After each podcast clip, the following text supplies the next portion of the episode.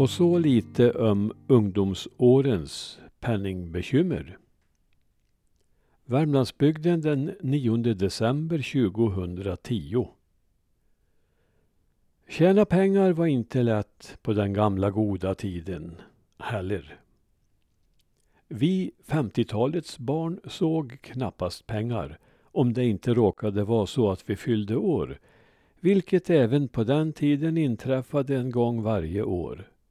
Då kunde vi få så stora pengar som en sedel av de närmaste. Farfar lämnade alltid en femma som då var gjord av gultonat papper. Den största sedel vi såg var en tusenlapp som den legendariske Verner Jonsson i Brannäs hade med och visade för oss. Detta var en händelse nästan lika stor som att gå på bio och vi talade länge om detta efteråt. Att pappa tjänade pengar på sitt arbete i skogen visste vi ungar, men åtminstone jag hade svårt att begripa hur han bar sig åt. Hur kunde det bli pengar av att hugga med en yxa i trädstammar? Jag såg framför mig hur pappa dängde yxan i träden och ut sprutade det enkronor. Hur skulle det annars gå till? Mamma försökte förklara, men jag tror aldrig att jag fick sammanhanget klart för mig.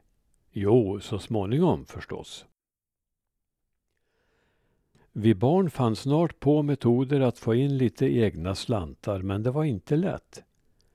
Fylla år kunde man ju inte göra hur ofta som helst, även om min bror Roland försökte.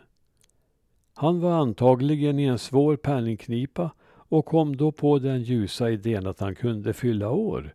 Sju eller åtta eller vad det kunde vara. Det var som sagt det effektivaste och lättaste sättet att få de eftertraktade slantarna. Oss närstående kunde han ju inte räkna med att lura men, men för sin ganska jämnåriga kamrat Gullan berättade han förhoppningsfullt att han fyllde år.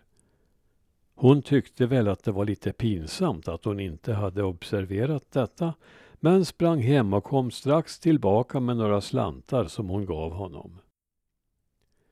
Idén var ju ganska genialisk och det hela kunde ha gått som planerat men när minuterna gick och det inte kom fram någon tårta eller saft sprack hela affärsidén. Mamma såg inte lika affärsmässigt på det hela som sin näst äldste son utan tvingade honom att lämna tillbaka pengarna. Inte nog med det, han blev också tvungen att be om ursäkt.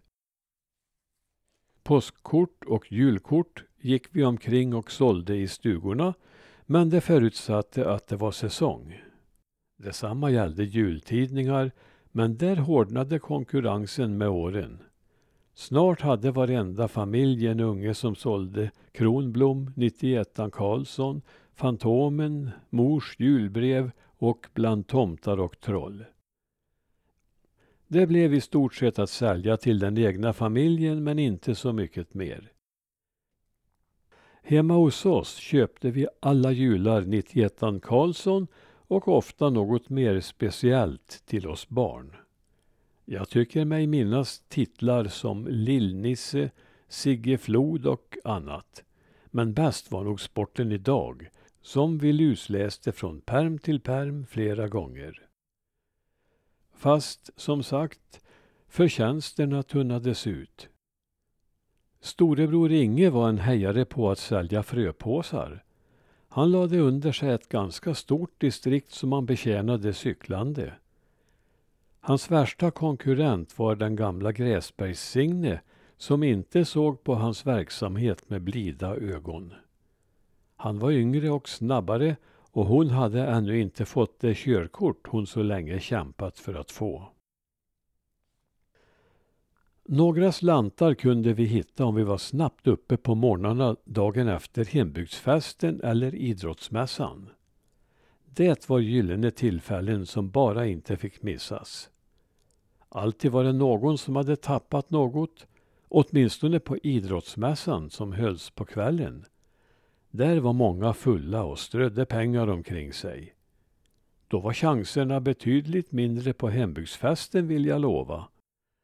Det mesta som ströddes ut där var nitlotter vid tombolan. Men här var säsongen ytterligt begränsad. En hembygdsfest och en idrottsmässa om året. Å andra sidan kunde man ha tur och hitta sådant som inte var klingande pengar. Sådant som drickflaskor, promenadkäppar i trä med röd knopp överst, vimplar, choklad och annat. Men vår säkraste inkomstkälla var Sven på Hedbäckmons kor, både när de fanns och sedan han gjort sig av med dem. Dessa underbara inkomstbringande kor strövade sommartid fritt i backarna ovanför Hebäckmon och på kvällarna gick de hem till Sven och Maja på mjölkning. För att de inte skulle rymma och gå Kinnsjövägen ner till bygden sattes en svängbar grind upp just vid vägens början i Brannäs. Den grinden kunde inte korna öppna, men det kunde vi. Och det gjorde vi. I all synnerhet på lördagskvällarna när bilarna svängde in på vägen för att transportera glada festsugna och ofta berusade människor upp till Älgsjövallen eller andra glada ställen. Sådana kvällar fanns vi tidigt på plats och öppnade och stängde, öppnade och stängde.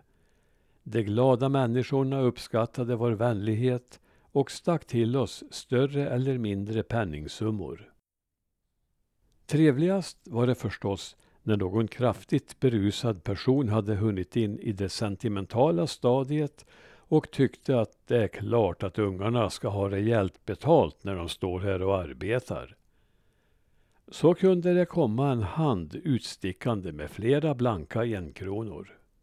Att dessa kronor var surt förvärvade i skogsarbete eller annat slit, det tänkte vi inte så mycket på.